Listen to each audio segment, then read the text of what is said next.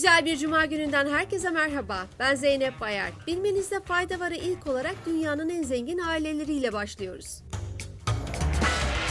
Bloomberg dünyanın en zengin ailelerini derledi. Listenin ilk sırasında artık yeni bir hanedanlık var. Abu Dhabi'nin Nahyan Hanedanı ilk kez yıllık zenginler listesine birinci sıradan giriş yaptı.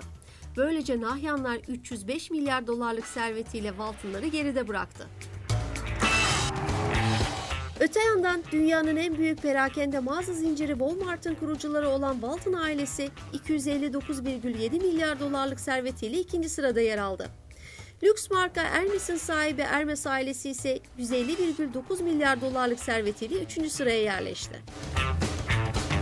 Meta ve IBM yapay zeka için güçlerini birleştiriyor. Meta, yapay zekada açık inovasyonu ve açık bilimi destekleyen bir endüstri kuruluşu olan AI Alliance'ı kurmak için IBM ile işbirliğine gitti. Meta ve IBM'in bu girişimine Intel, NASA ve Yale Üniversitesi gibi dünya çapında 50'den fazla kuruluş ve eğitim kurumu katıldı. Bir diğer sosyal medya platformuna geçiyoruz. Bir süredir süper uygulama olma hedefiyle bankacılık ve ödeme hizmetleri sunacağını açıklayan sosyal medya platformu X, ödeme hizmetleri sunma projesini ABD eyaletlerinde yaygınlaştırıyor.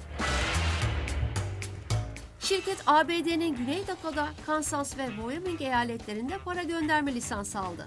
Şirkete daha önce para aktarma lisansı veren eyaletler arasında Arizona, Georgia, Iowa, Maryland, Michigan ve Mississippi gibi eyaletler yer alıyordu. X'i PayPal ile rekabete sokacak olan bu hamlenin kriptoyu da içerip içermeyeceği henüz belirlenmedi. Ancak X'in kripto para birimlerini desteklemesi durumunda para aktarım lisansının gerekli olacağını da belirtmemizde fayda var.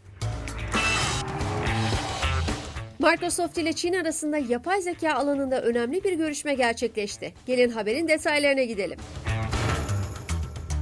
Çin hükümeti tarafından yapılan açıklamaya göre Microsoft Başkanı Brad Smith, Çin Ticaret Bakanı Wang Wentao ile bir araya gelerek yapay zeka ve ticari ilişkileri görüştü.